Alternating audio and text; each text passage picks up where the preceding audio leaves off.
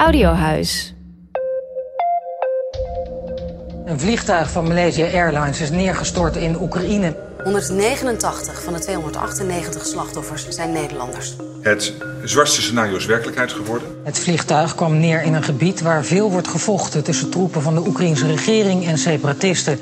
Did they look each other in the eyes one final time? We will never know. Het reddingswerk hapert en stokt. Door de burgeroorlog is het te onveilig in het rampgebied. Het litteken zal zichtbaar en voelbaar blijven. Tot in lengte van jaren. De ministerraad heeft vanochtend het besluit genomen om Rusland aansprakelijk te stellen voor zijn aandeel in het neerhalen van MH17. MH17. De polder- en mokermafia. Terroristische aanslagen. De Hells Angels. Iedereen hoort erover in de media. Maar wat gebeurde er achter de schermen? Wij zijn de True Crime Pros. Marcel van de Ven, oud undercover agent en ik, Sean Pel, oud forensisch regisseur. We nemen je mee in de zaken waar wij bij waren. Elke aflevering geven je een inkijkje die de media je niet geven. We vertellen je hoe wij te werk zijn gegaan, welke lessen we hieruit hebben getrokken en wat dit voor ons als mens heeft betekend. Dit is aflevering 7, MH17. Sean, vandaag een aflevering over een gebeurtenis waar je nou betrokken bij bent geweest. De MH17. Hoe is dat van jou, uh, dat we het daarover gaan hebben? Ja, gelukkig is het alweer uh, bijna tien jaar geleden. Anders zou ik hier echt heel veel last van hebben gehad. Um, MH17 is voor mij een, uh, zeg maar de dieptepunt in mijn carrière geweest. Waarbij ook de PTSS op een gegeven moment mijn oren uitkwam. Dus ja, ik, ik ja ik, ik zit er nu heel goed in. Maar ik had dit zeven jaar geleden niet kunnen doen. Nee, want? Als ik zeven jaar terug was, dan was ik op het dieptepunten van dat ik heb de onderkant van het bestaan gezien. Door, uh, mede door 1500 doden in mijn carrière. Maar, maar nu, ben ik, uh, ja, nu ben ik een stuk sterker geworden. Dus. En, en ik vind het nu ook wel fijn om, uh, om dingen te kunnen te vertellen. Ja. Kun je mij heel even meenemen, of tenminste de luisteraar meenemen, MH17. Wat gebeurde er? Wat, wat is de aanleiding? En dan kom ik straks op de vraag, ja. hoe kom jij daar terecht? De, de aanleiding was dat er een toestel naar beneden is gehaald boven de Oekraïne in een oorlogsgebied. Waar de separatisten toen voor het vertellen hadden. Het toestel is in drie stukken gebroken. Um, 298 uh, personen bij om het leven gekomen. En in een oorlogsgebied terechtgekomen. Ja, en dan, dan worden er allerlei hulptroepen ingeschakeld. Na de crash op 17 juli 2014 wordt er een onderzoeksteam opgezet. Het Joint Investigation Team, JIT, waar Nederland, Australië, Maleisië, Oekraïne en België onder vallen. Het JIT doet onderzoek naar de daders en verantwoordelijken. John wordt als forensisch regisseur ingevlogen als teamlid van het LTFO, Landelijk Team Forensische Opsporing. Bij de MH17-ramp is dit team verantwoordelijk voor het opsporen en bergen van stoffelijk overschot en bezittingen van de slachtoffers. Ja, en dan ga je naar de Oekraïne, waarbij ik dus niet het eerste stuk naar de Oekraïne ben geweest, want ik was in vakantie in Spanje toen dit gebeurde. Later ben jij, uh, want je functie, dat was vanuit het LTFO, uh, ben jij richting de Oekraïne gegaan. Ja. Want, want de, de, Nederland ging het onderzoek doen. Ja, er was afgesproken dat Nederland zou het, het onderzoek gaan doen. En het onderzoek werd uh, geknipt, hè, met een mooi woord dat um, de berging en de, de, identificatie zou het, het LTVO doen. En de berging dan van de slachtoffers en van de persoonlijke eigendommen. Dat is in, in een missie gebeurd. Maar ik, ik zal eerst even teruggaan. Toen, op het moment dat het gebeurde, was ik op vakantie. Zat ik in Spanje. Mm -hmm. Jij herkent dat ook wel. Als je deel uitmaakt van een vast team, hè, dan voel je daar enorm betrokken bij. Je leest het op vakantie. Dus ik, ik ja. ben op vakantie en dan komt dit bericht komt door over de radio.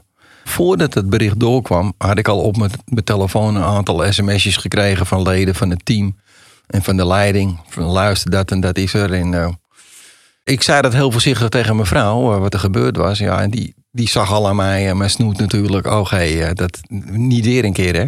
Dus ik heb tegen haar gezegd van luister, ik ben van plan om de leiding te gaan bellen. En de leiding toen de tijd was René Bastiaanse.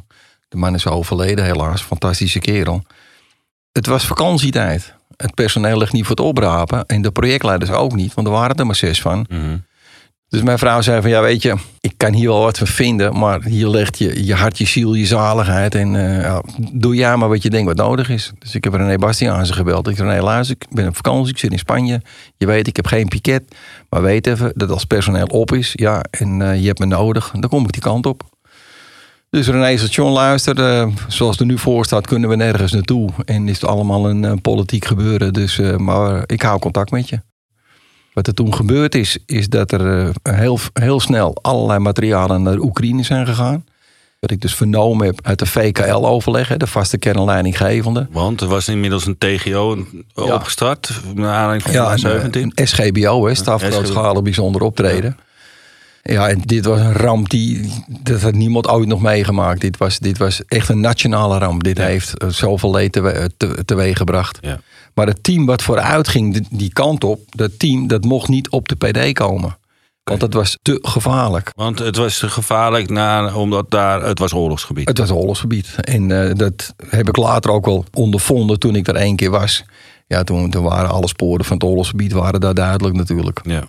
Dus wat gebeurt er? De, de SAS, de States Emergency Service, dat moet je zien als een soort bescherming bevolking. Uh, er zitten heel veel mijnwerkers uh, zaten erbij. Die uh, hebben de, de slachtoffers, die dus aangetroffen werden, die hebben de slachtoffers bijeen geraapt, even oneerbiedig gezegd. Die hebben ze geborgen. Die zijn in lijkenzakken gegaan. Vanuit die lijkenzakken zijn ze met open vrachtwagentjes gebracht naar, naar de trein. Nou, iedereen herkent de beelden nog van de trein waar de slachtoffers toen in lagen. Met heel veel wagons. En die waren gekoeld, werd gezegd, maar lang niet allemaal. En die trein die ging met de, de slachtoffers naar, uh, naar Kharkov. In Kharkov had je een fabriek. Moet je je voorstellen, dat is een megaterrein. Een megaterrein met megaloodsen. Waar allemaal in de Sovjet-tijd tanks werden gebouwd. In die locatie dus ik was er nog steeds niet, hè? Ik was er nog steeds niet. Uh, er zijn allerlei kisten naartoe gegaan. Daar werden de slachtoffers gekist. De slachtoffers werden verpakt. Omdat er afgesproken werd dat het identificatieproces in Nederland zou plaatsvinden. Okay, maar jullie hadden dus zo'n zo'n locatie waar we het nu over hebben, die hebben jullie ingericht als een laboratorium. Als een hele grote werkplek, die loods. Die ja. loods die moest ook elke keer na, uh, nadat je er geacteerd had, uh, verzegeld worden. En kijk, in de Oekraïne is, komt alles nog een beetje uit het oude Sovjet gebeuren. Het wantrouwen is enorm groot. Uh, de loyaliteit naar de top is heel hoog. Um, ik zeg niks nieuws als corruptie daar al nog steeds een grote rol speelt. Dus het was ook continu een beetje, een beetje laveren. Ja. Nou, eenmaal uh, mijn vakantie is op een gegeven moment afgelopen. We hebben continu het overleg één keer in de week vanuit de vaste kernleidinggevende met betrekking tot dit. Want de slachtoffers waren wel allemaal teruggekomen in Nederland. Het identificatieproces in Hilversum, uh, ja, dat, dat liep als een trein.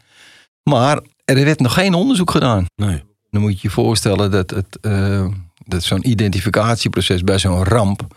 Ja, er moet altijd één van de drie moeten, moeten zijn. Dus of er moet een compleet DNA-profiel moeten zijn. Of er moet een goede gebitstatusgegevens moeten er zijn. Of dactyloscopie.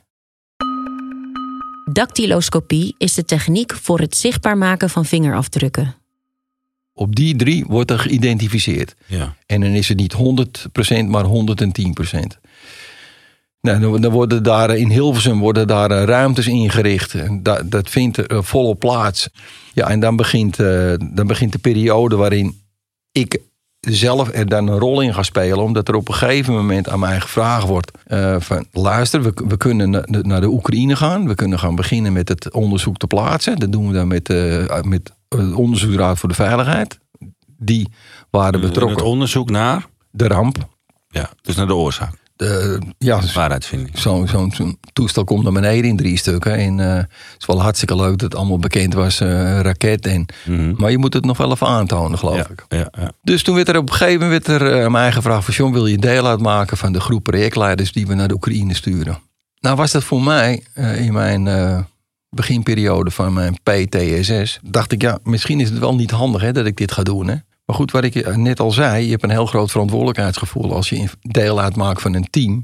En al verschillende teamleden tegen mij hadden gezegd van John Luister, als het zo meteen erop aankomt en we moeten naar de Oekraïne, ja, dan ben je wel onze projectleider. Hè? Dat had ik nog net even ook niet nodig, want ik zat nog te dubbel, ga ik het wel of ga ik het niet doen. Mm -hmm. Maar ja, toen was het voor mij wel, wel duidelijk. Uh, als ze, als ze willen en ze doen een beroep op, en dan ga ik die kant op. En dat was dan voor het team, maar eh, als ik jou zo een beetje ken, is dat natuurlijk ook omdat je de waarheid wilde weten. Exact. Ehm, bij mij staat altijd vooraan waarheidsvinding. En als je zoiets mag betekenen hè, voor zoveel nabestaanden. Kijk, je moet een graf hebben. Je moet iets hebben om afscheid van iemand te kunnen nemen. Ja. Ik heb genoeg van die zaken meegemaakt waarbij het lichaam nooit naar voren is gekomen. Dus ik weet van nabij wel wat voor impact dat op nabestaanden heeft. Dus daarom knaagt het nog steeds aan mij dat er nog steeds twee personen niet geïdentificeerd zijn van die 298. En dan kun je zeggen van ja, maar 296 wel. Ja, dat snap ik wel. Nee, maar dat, dat, dat doet altijd nog zeer.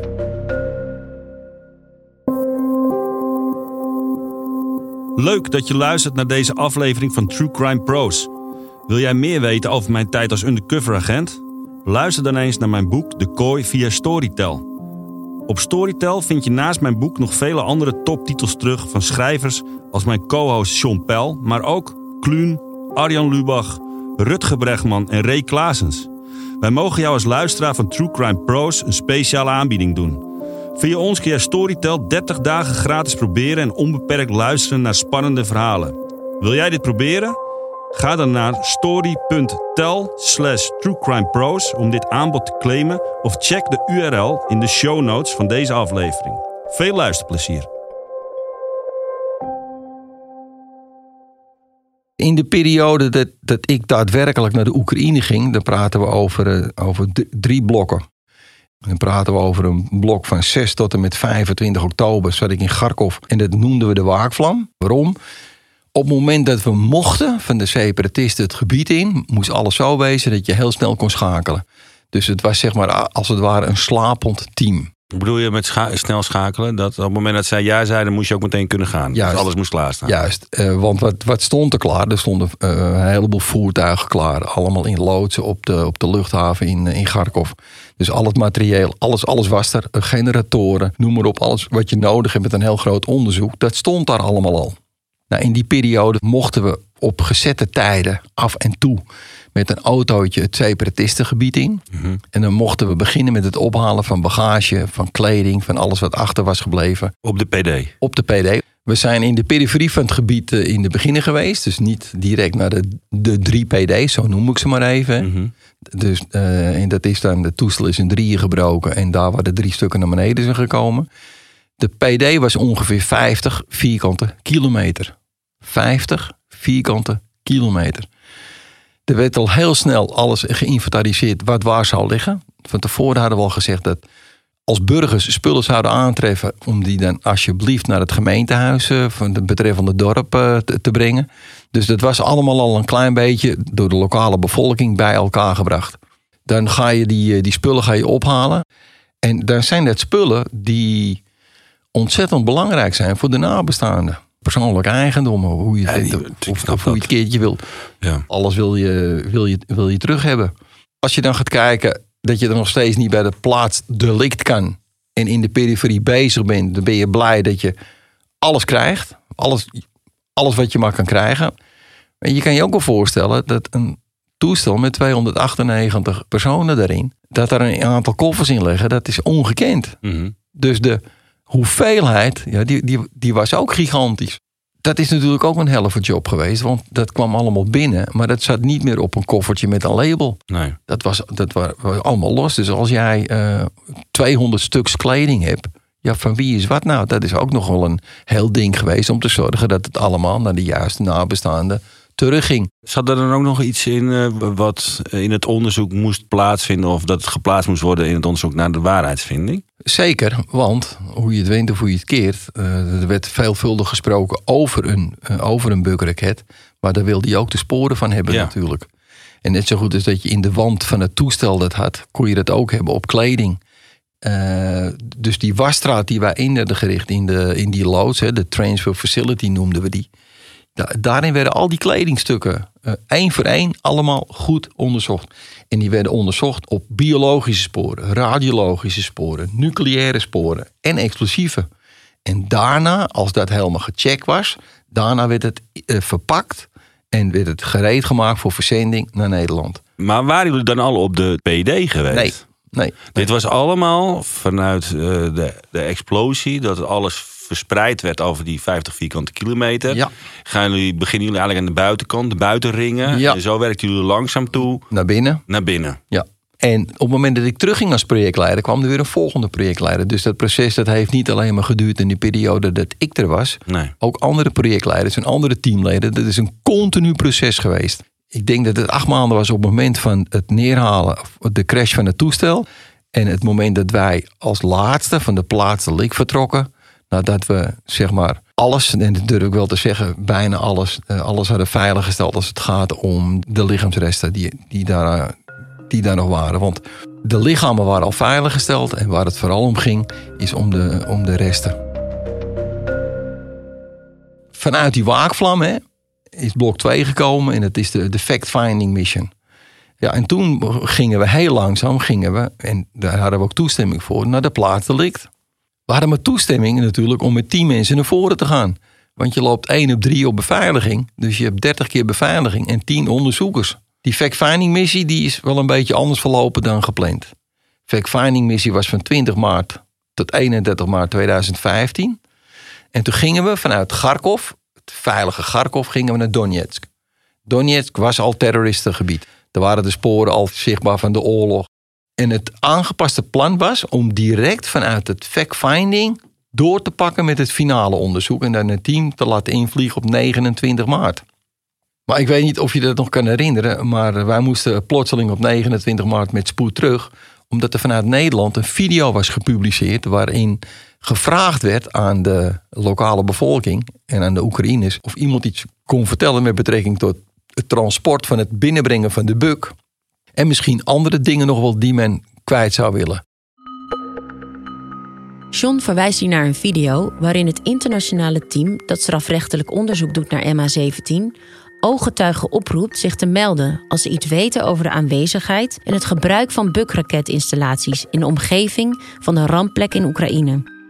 De separatisten reageren woedend op de video en gaan over tot bedreigingen. Dit was voor Defensie het zijn om John en zijn team te laten vertrekken. Dat leverde voor ons een levensgevaarlijke situatie op. En eh, Want?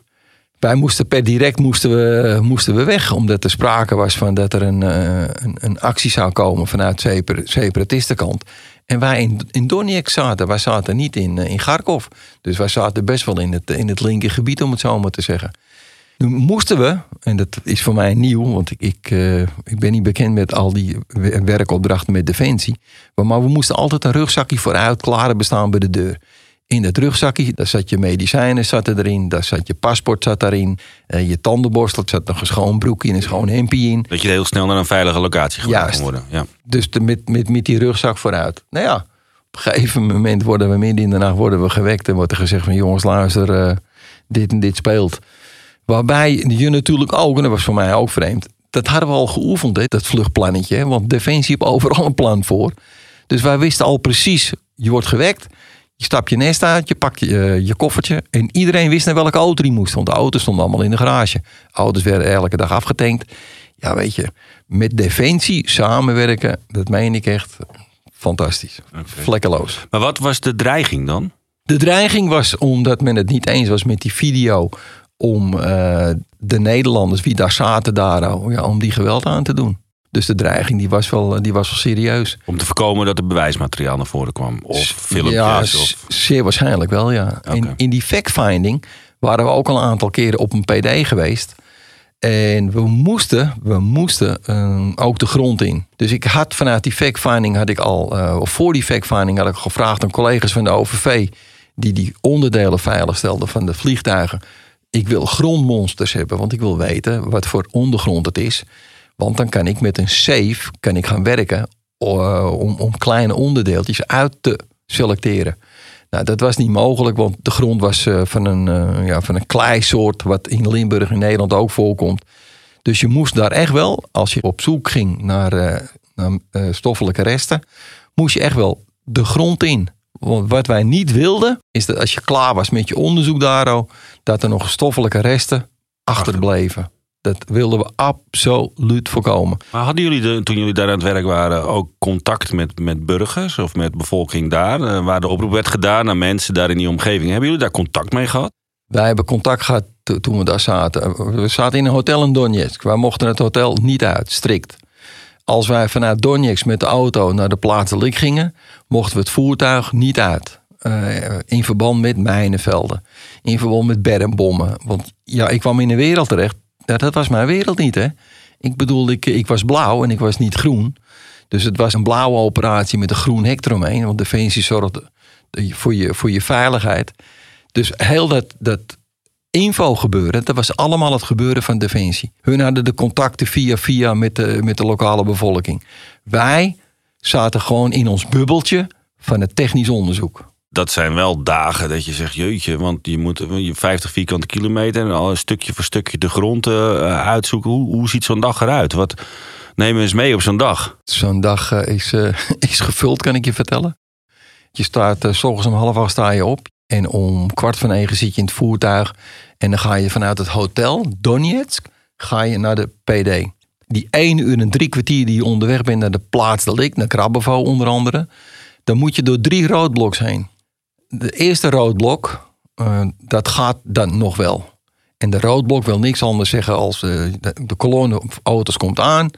Ehm, de, de betrokkenen van Defensie stapt uit. Die hebben het gesprek daar al met eh, ja, een soort douane, noem ik het maar eventjes aan, zeg maar. Of je er wel of niet doorheen komt. Dat gesprek vindt plaats. Dan ga je naar de volgende roodblok, krijg hetzelfde. En dan kom je op de laatste roodblok uit. En bij die laatste roodblok kom je dus gewoon, zit je dus gewoon in een oorlogsgebied, hè? Ja. En dat is, ja, dat is voor, een, eh, voor types als ik, een blauwe, met heel weinig bruine of groene ervaring. Dat kun je je niet voorstellen. Dus er wordt ook gezegd, je, je zit in eh gepantserde voertuigen. Niemand stapt uit. Je volgt strikt alle bevelen op vanuit, vanuit Defensie. Nou, allemaal prima. Maar dan ben je daar al. Dan, dan krijg je natuurlijk ook van alles te maken. Want als, op het moment dat je daar in, in de buurt aan het onderzoeken bent... eh, dan komen mensen naar je toe, hoe je het went of hoe je het keert. ja, dat bedoel ik, ja. Die komen naar jou toe. Ja. Ik heb wel meegemaakt dat iemand naar me toe kwam. eh, en ik had altijd een tolk bij me. Dat was wel handig, anders werd communiceren god zo mogelijk. Die tegen mij zegt van ik heb, een, ik heb een loods. Dat was een boer. En ik heb een heleboel vliegtuigspullen. Kan ik die nu aan jullie meegeven? Moet niet gekker worden. Dus ik zeg, nou prima, we gaan kijken. We gaan met die man gaan we mee. We zitten nog in de fake finding. We, we zijn niet aan het daadwerkelijke onderzoek. Maar zal, dat was een soort aardappelenloods. Die lag helemaal vol met vliegtuigonderdelen. Van, Van de MH17. die had hij verzameld. Die had hij verzameld. Want dat werd ook gevraagd ehm, aan de bewoners, aan de locals. Van verzamelde spullen. Zorg dat die bij het gemeentehuis terecht kunnen komen. En, op een gegeven moment worden die daar vandaan worden die opgepikt. Want ja, ik heb er nooit een PD gehad van 50 vierkante kilometer. Dan stap je dus uit die auto. Dan krijg je dus een helm op. Dan krijg je dus een, een scherfvest krijg je om. Ja, die weegde volgens mij 15 kilo of zo, dat ding. Dan kreeg ik die helm op mijn hoofd, wat ik helemaal niet gewend ben. Want ik was een pet gewend. Ja, ik kan je vertellen, dat is verre van comfortabel. Ja. Dan loop je die plaats, de likt op. Dan ga je daar op je knieën ga je zitten en dan ga je graven.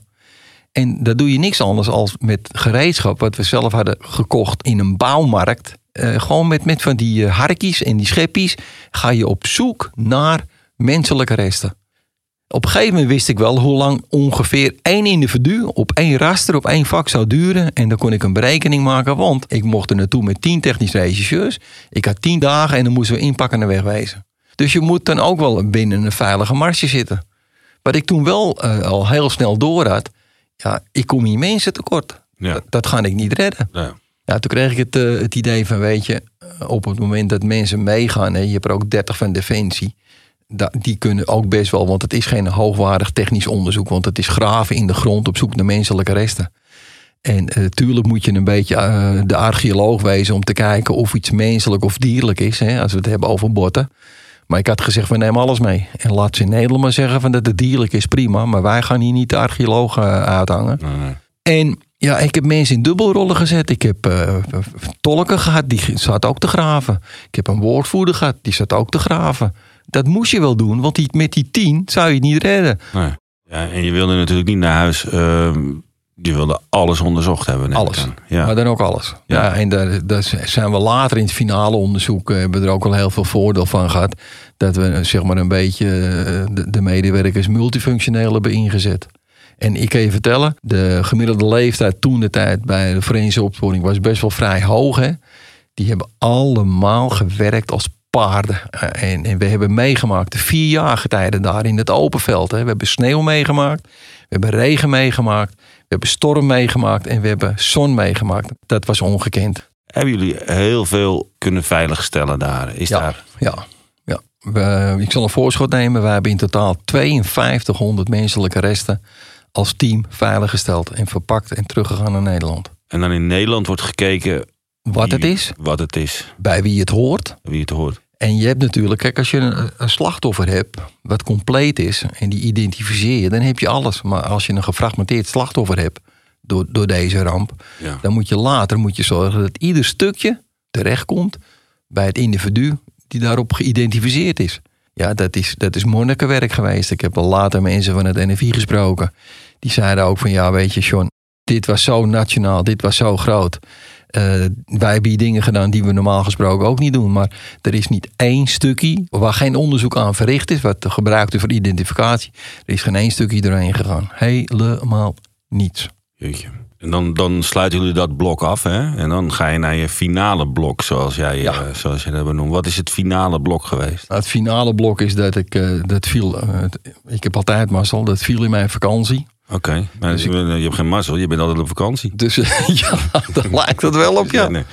Nou, het finale onderzoek dat was eh, 13 april eh, tot en met eh, 8 mei. Maar dan krijg je ook allerlei verwonde momentjes. Want er was afgesproken, er zouden twee collega's uit Maleisië deelnemen aan het team. We Ja, maar zouden- dat wilde ik nog vragen. Ik heb zelf ook eh, een aantal operaties uitgevoerd in, in het buitenland. En dat eh, heeft altijd een hele bijzondere eh, ja, lading. Ja. Het is een andere Ja, entourage. ja. En dan moet je gaan samenwerken met andere eenheden. Bij ons was dat wel, we spraken wel redelijk dezelfde taal. En eh, zeker ook met de arrestatieteams die daar werkten, die afscherming voor ver- eh, deden. Maar jullie moesten dus ook werken met buitenlandse FO's, of? Wij werkten strategisch-tactisch samen heel veel met Australië. Eh, op technisch gebied deden we dat met de collega's uit Maleisië. En de afspraak was dan... eh, ik heb gezegd van, als je er met tien naar voren kan... laten we er dan twaalf doen. Zetten we er twee op de reservebank. Want je moet elke dag werken. En dan kan je ook nog iemand een, hier en daar een vrije dag geven. Nou, dat was dan eh, prima, want het werden tien Nederlanders... en twee collega's uit Maleisië. Wat gebeurt er? In ene staan er zes Maleisiërs staan er in eh, Oekraïne. Dan krijg je zes collega's erbij. Dan heb je er zestien. En dan wordt er gezegd, ja, dan stuur je er maar een paar naar huis. Maar Marcel, als jij deel uitmaakt van een team al weken, al maanden... en jij bent daar in de Oekraïne en jij bent daar niet voor niks... en ik moet na twee dagen dat jij daar bent, moet ik tegen jou zeggen... ja, ook, ook bij by way, sorry hoor, maar eh, er zijn er vier meer uit Maleisië gekomen. Ik ga er even twee terugsturen hier ook. Want dan heb ik er veertien, nou ook er vier op de reservebank. Ik denk, dat ga, dat ga ik niet doen. Dus wij zijn er creatief mee omgegaan met die 16. Eén werd er al heel snel opgelost omdat er een collega was in de Oekraïne. Die zijn vader werd ziek en die moest met spoed terug naar huis. Dus toen zaten we, gelukkig zaten we op, eh, op 15.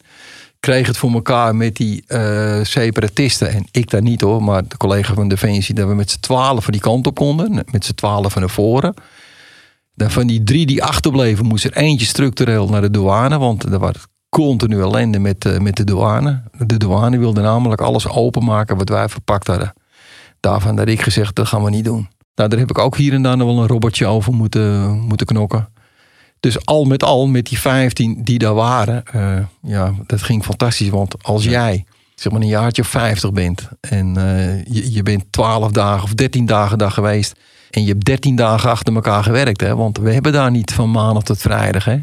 En dan zijn we het weekend vrij. Nee, elke dag werken. Dan moest ik opletten of iemand er wel of niet doorheen zat. Want Marcel, niemand zei tegen mij van... John, ik ben nou zo gesloopt, doe mij morgen een dagje niet. Nee, je moest er zelf, jij moest erop letten. Jij Ja, moest ik, op hem ik, letten. Ik moest erop letten dat ik zei, tegen een collega zei van, eh, en die nam ik dan apart. Zeg ik, luister, ik zie toch dat je er even doorheen zit. Pak jij morgen nou een rustdag in het hotel hier al, en dan ben je overmorgen ben je weer 100%. Hmm. Nou, en, en op die manier zijn we dus die kant op gegaan.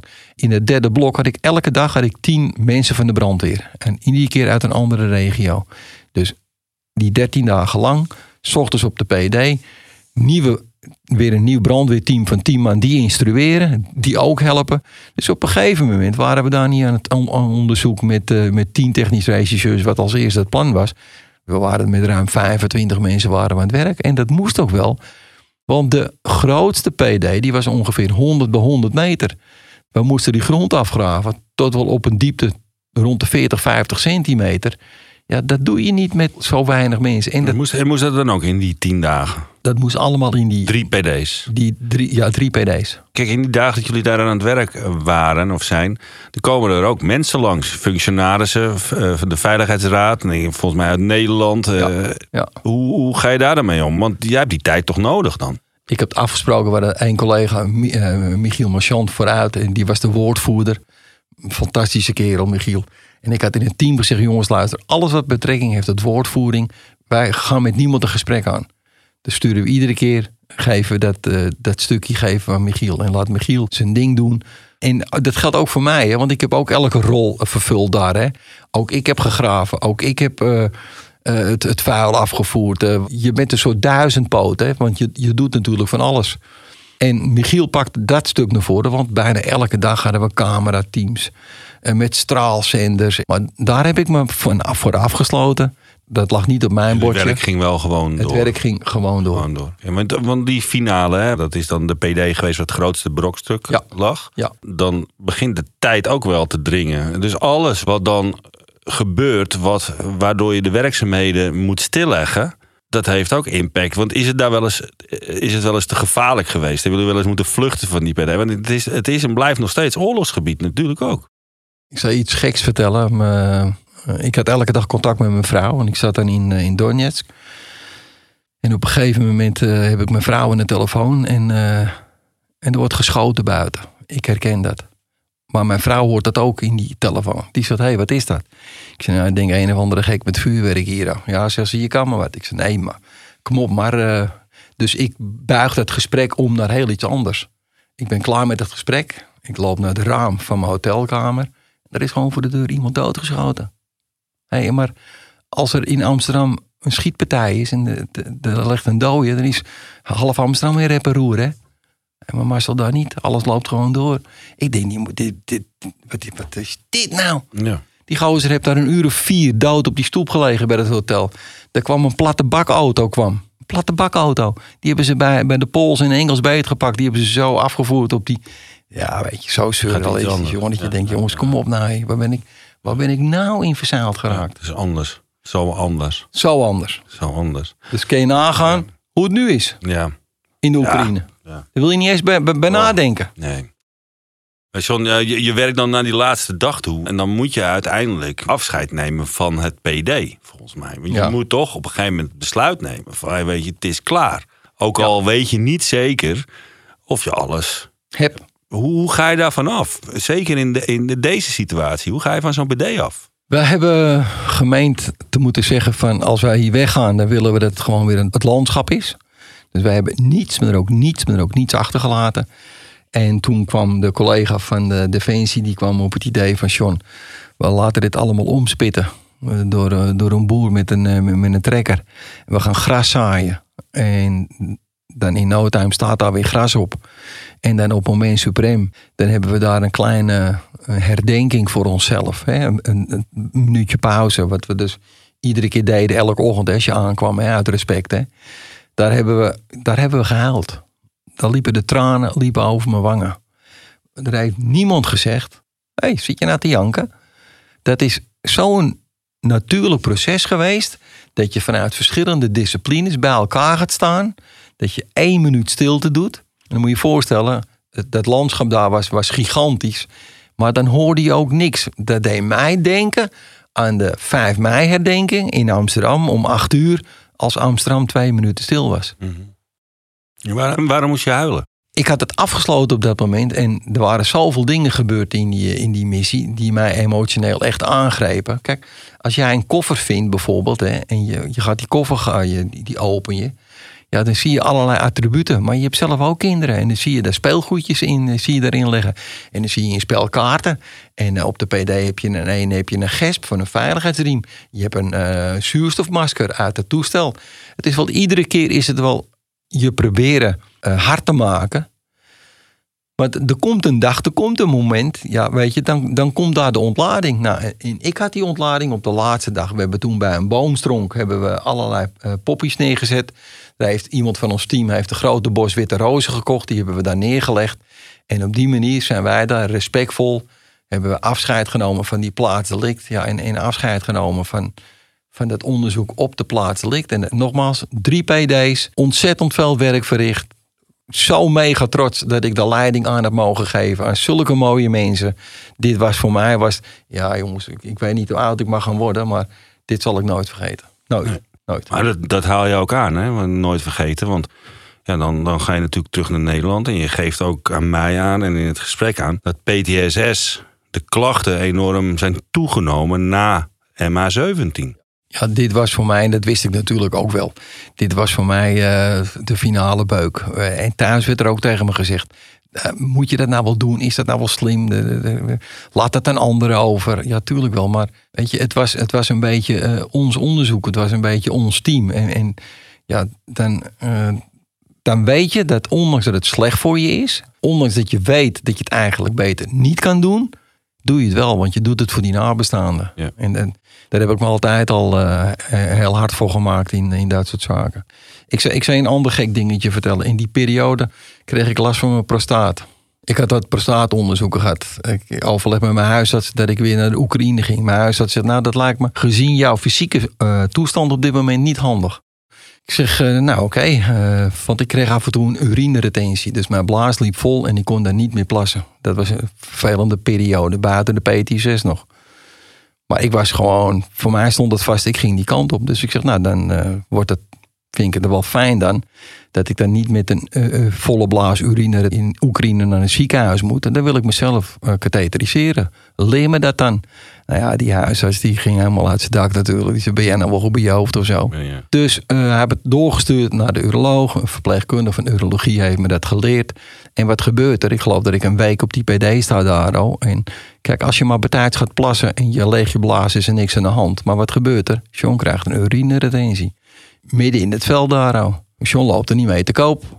Maar John in zijn rugzakje natuurlijk uh, zo'n zo katheter zitten. Dus ik loop op een gegeven moment loop ik zeg maar een beetje penagers weg het weiland in. En er komt de vraag, hey John, waar ga je naartoe?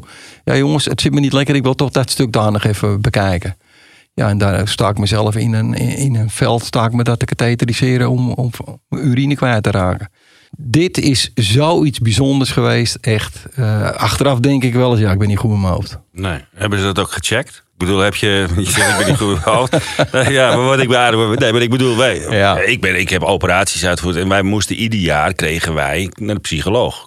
En, en dan werden wij gekeken, hoe zit je erbij? Hoe, Ja. Hebben jullie begeleiding gekregen? Nee. Ja, daar was, ik, daar was ik een meester in. Ik wist heus wel, ik was kwetsbaar. Ja. Eh, Dan, moet- dan moet ik niet bij terechtkomen. Dus ik zette me 300% in voor mijn teamleden. Dat met een goede debriefing. eh, eh, de, de nodige eh, geestelijke bijstand en noem maar op. Maar zodra naar mij toe ging... Ja, Marcel, ik, was een me- ik leek wel een verslaafde. Ik was daar een meester in om dat gesprek om te zetten... en de aandacht op de ander te zetten, weet je. Ik had er geen problemen mee. Maar, maar tuurlijk, wat ik, wat ik, wat ik had was, ja, was, was beroerd. Maar goed, ik ben er nog dus. Je bent er zeker nog. Wat, wat maakt er nou de meeste indruk rondom dit onderzoek? Dat je af en toe menselijke resten aantrof waar je een beeld bij had. We hebben 5200 menselijke resten veiliggesteld. Die menselijke resten die werden s'avonds herverpakt in het hotel, in de kelder. Daar was ik de enige van met een sleutel. Maar er zitten natuurlijk ook hele vervelende dingen bij. Als je dan een schoen hebt waar nog een voet in zit. Ja, kan ik je vertellen, daar, word je niet vrolijk van. Nee. En, en die momenten, eh, te meer omdat ik al natuurlijk een beetje onderweg was. Ja, die momenten zorgen ervoor dat je jezelf zo hard moet gaan maken. Kijk, PTSS is bij ieder mens verschillend. Komt het dan omdat je het dan eh, ziet? Het komt zoveel dichtbij. Visualiseren. Ja. Dat, je het, dat, dat je, ja? Ja, het, het komt heel dichtbij. En continu, En misschien heb ik daar wel heel veel voor mezelf aan gehad. Continu met je me- medewerkers bezig zijn en niet met jezelf, hè. En misschien was dat wel goed ook, dus dan kon ik minder aan mezelf denken. Maar continu met je medewerkers bezig. bedoel je mee de emoties die jij ervaart? Juist. Denk je, nou, mijn collega's ervaren dat ook. Ik moet er voor ze zijn. Juist. En, en en als ik het dan zag, dan ging ik een gesprekje aan met, met een collega. Ik deed het nooit klassikaal, want als je dat klassikaal gaat doen, heeft niemand last. Nee. Ik deed het altijd gesprekjes één op één. Dan ging ik met iemand een kopje koffie drinken in een ander gedeelte van het hotel. Eh, omdat ik dacht van, daar, daar kan ik hem dan mee ondersteunen. Nou, dat is ook wel gebleken, want dat is twee keer is, is zo'n gesprek heel emotioneel eh, geëindigd. En dat eindigde emotioneel in dat stukje van het hotel. En daar bleef het ook. En dat namen we niet mee naar de groep. Want ja, hoe je het went of hoe je het keert, dat, dat zit gewoon in dat blauwe DNA. Wij willen niet zielig gevonden worden. Nee. Heeft er wel eens iemand aan jou gevraagd hoe het met je eh, was? Ging, Ja, gaat? toen, toen te laat was. Niet daar. Nee, eh, eh, daar niet. En nogmaals, ik was een meester in, in om de aandacht af te leiden. Ja, ja. En zodra dat het dicht bij mij kwam, dan. ja. Ging die muren. Maar, da- maar daarna, kijk, 2015 hebben we het finale onderzoek gehad. En in 2016 heb ik een open hartoperatie gehad. Toen kwam alle PTSS eh, aan alle kanten eruit. Ja, en ik heb van 2016 tot 2018 heb ik de onderkant van het bestaan gezien. De onderkant van het bestaan. En zo'n hartoperatie is best wel vervelend, open hartoperatie. Maar daar ga je niet aan onderdoor. Maar aan PTSS ga je onderdoor. Ja. Een sluipschutter. Ja, PTSS heeft er ook voor gezorgd dat ik met een mooi woord met eh, medisch pensioen ben gegaan. We hebben het over Alfa aan de Rijn gehad. We hebben het over. eh, nou, we hebben het nu over MH17. Er zijn nog wel wat, wat zaken voorbij gekomen. Wat je allemaal hebt gezien. Je hebt eh, aantallen van stoffelijke overschotten genoemd. En dan moet je je carrière beëindigen. En dan moet je dat om een medische redenen doen. Is, hoe, hoe is dat dan? Afschuwelijk. Dat, dat hele proces is afschuwelijk geweest. Ik heb een. eh, eh, je krijgt een open hartoperatie. Dan ben je ziek, dan kom je bij de bedrijfsarts. En wat je dan gaat krijgen is dat de bedrijfsarts op een gegeven moment denkt... ja, die gozer heeft een open hartoperatie gehad. Er hebben er honderdduizenden gehad in Nederland. We gaan reïntegreren. Maar die bedrijfsarts die zat alleen maar op zenden, niet op ontvangen. Dus die had het erover dat eh, ik zou drie dagen in de week twee uur gaan reïntegreren op mijn werkplek. Maar ik geef aan dat ik op dit moment in een proces zit van, eh, van PTSS. Maar weet je, maar die luisteren niet eens naar me, man. Die bleef maar doorgaan over reïntegreren. Nou, toen was het op een dag dat ik niet mijn beste dag had. Ik behoorlijk agressief was en vervelend werd. En toen dacht ik, keer ik dat bureau nou gewoon om van je. Wat, wat, wat gebeurt hier nou allemaal? Nou ja, eh, dat heb ik dan gelukkig niet gedaan. Ik ben daar weggelopen. Ik heb de grootste ruzie met de bedrijfsarts gehad. En dan, eh, dan merk je eh, het belang. Kijk, als je PTSS hebt bij je werkgever, mag je twee jaar in de ziektewet lopen. Normaal gesproken één jaar en dan word je gekeurd. En dan krijg je een UWV-project. Ja, dit was voor mij zo ondankbaar. Ik vond het zo onrechtvaardig. Daar had ik zoveel moeite mee. Bij 62,5 had ik me voorgenomen. Wilde ik eruit stappen. Wilde ik de fut in. Vervroegde uitreding. Wil ik. Ja, daar, daar kwam ik niet aan toe. Door mijn, door mijn fysieke en eh, mentale gesteldheid. Ja, da- dan is het een hard gelach. Want ik weet niet of je daar erg in hebt hoor. Maar als jij weggaat met de baas en je gaat gewoon met pensioen. Dan heb je een receptie. En als je een hufter bent geweest, dan staan er eh, tien mensen daar op je receptie. Die geven je een ander fles wijn en denken, nou, opzouten. Maar ik heb al recepties meegemaakt van mensen waar ik heel nauw mee heb samengewerkt. Dan stond je een half uur op de gang voordat je binnen was. Er waren een paar honderd mensen. Ja. Nou, wat John kreeg aangeboden is dat hij in een kroeg in de Jordaan met tien mensen een happy mocht gaan eten. En dat was hem. Ja. Hey, succes, ouwe reus. Ja, weet je. Ja, nee, ik- dat heeft pijn gedaan. Ja, maar dat begrijp ik. Maar dat is ook denk ik het, ehm, het onbegrip wat je allemaal in je rugzak hebt zitten. Wat je hebt gezien, wat je hebt meegemaakt. De emoties, de ervaringen die jij ook mee naar huis hebt genomen. De problemen, de last die je er zelf van hebt gehad. Wat Ja. de mensen ook niet Ja. weten. Ja. En wat ze ook eigenlijk allemaal zomaar aan de kant gooien. Ja, maar Ik bedoel, ik kan dat wel begrijpen. 60.000 werknemers en het wordt gedaan volgens de, de afspraken die gelden. Dus eh, eh, het is wat het is, snap je?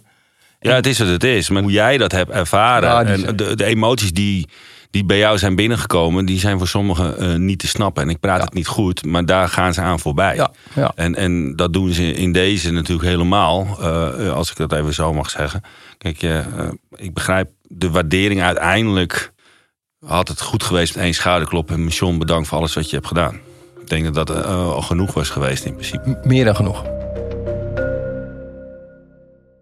Is het onderzoek afgerond?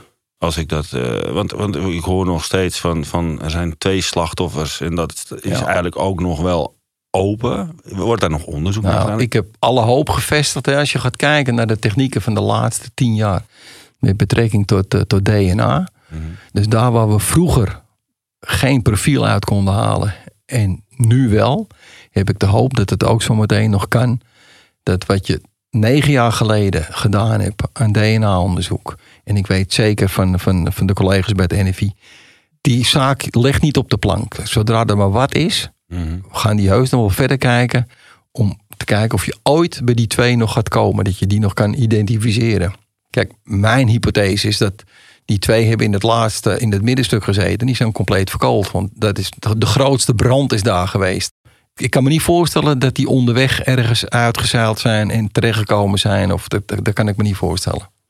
En dan, dan is maar te hopen dat het NFI, dat de ontwikkeling zo doorontwikkeld is, dat daar misschien nog een mogelijkheid is. Maar voor mezelf blijft het altijd open. Het is, blijft altijd een open eindje. Het zal niet alleen jouw wens zijn, denk ik. Ik denk dat er meer. Half Nederland. Dat denk ik wel, ja. Half Nederland. ja. Dus mocht daar een, een, een, een techniek zijn of zou de mogelijkheid daar zijn om dat te kunnen onderzoeken en om die waarheid of om, om dat ook nog eens eh, te kunnen doen. Ja, Zal dat zou de kerst op de taart wezen. Ja. Ja. Ik vind het heel knap hoe je erover praat. Weet je, je voelt ook wel, ik voel nog steeds ook wel de emotie bij je, John, als je het erover hebt, als ik je zie kijken. Eh, maar hoe gaat het nu met je dan? Weet je, je, je vertelt het alsof je er staat, hè? Dus, dus eh, snap je wat ik bedoel? Ja. Je, je staat daar gewoon nog. Ja. Maar als je erover vertelt, ben je ook weer terug. En zie je ook die beelden. Ik ben vier maanden geleden voor het eerst op het herdenkingsmonument geweest. De MH17. Daar heb ik al die tijd wilde ik, had ik de behoefte om daar naartoe te gaan. Maar ik dorst niet. Ik dorst niet, ik dorst niet, ik dorst niet.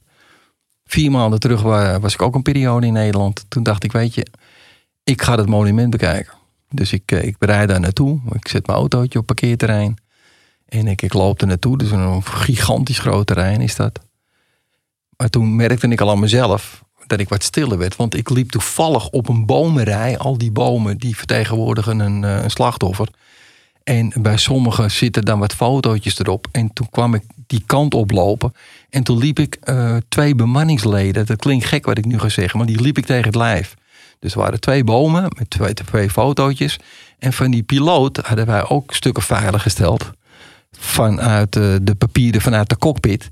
Dus ik herkende die naam ook. Ja, dat was. Toen was ik nog meer terug. Toen ben ik even op een bankje gaan zitten daar al. Heb ik even. Ik krijg het nou ook even lastig, geloof ik. Heb ik even gezeten. Mezelf geprobeerd te herpakken. Dat doe ik altijd met mijn ademhalingsoefeningen.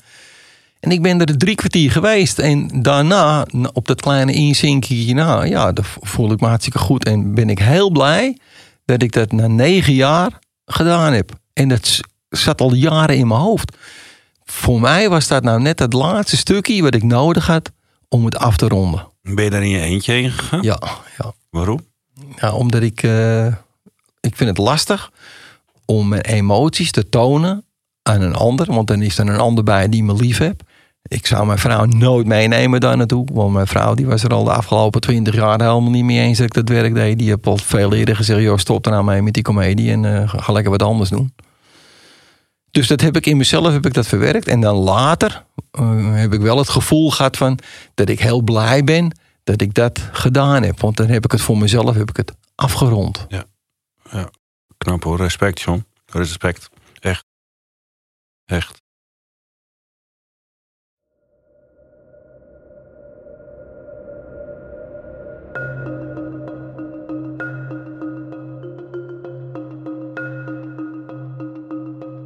Dit was de laatste aflevering van True Crime Pros. True Crime Pros is gemaakt door Marcel van der Ven en mijzelf, Sean Pel. In samenwerking met VBK Audiolab, Ambo Antos, uitgeverij en Audiohuis. Regie, opname en montage door Lieve Zonder. Research en studiocoördinatie Natasja Blauw. Eindredactie en voice-over Rachel van de Pol. Projectleiding werd gedaan door Pauline Reinders. Mixage en mastering door Rick Huilenbroek. Als je dit een interessante aflevering vond, laat dan een review achter. Dat helpt anderen om de podcast beter te vinden.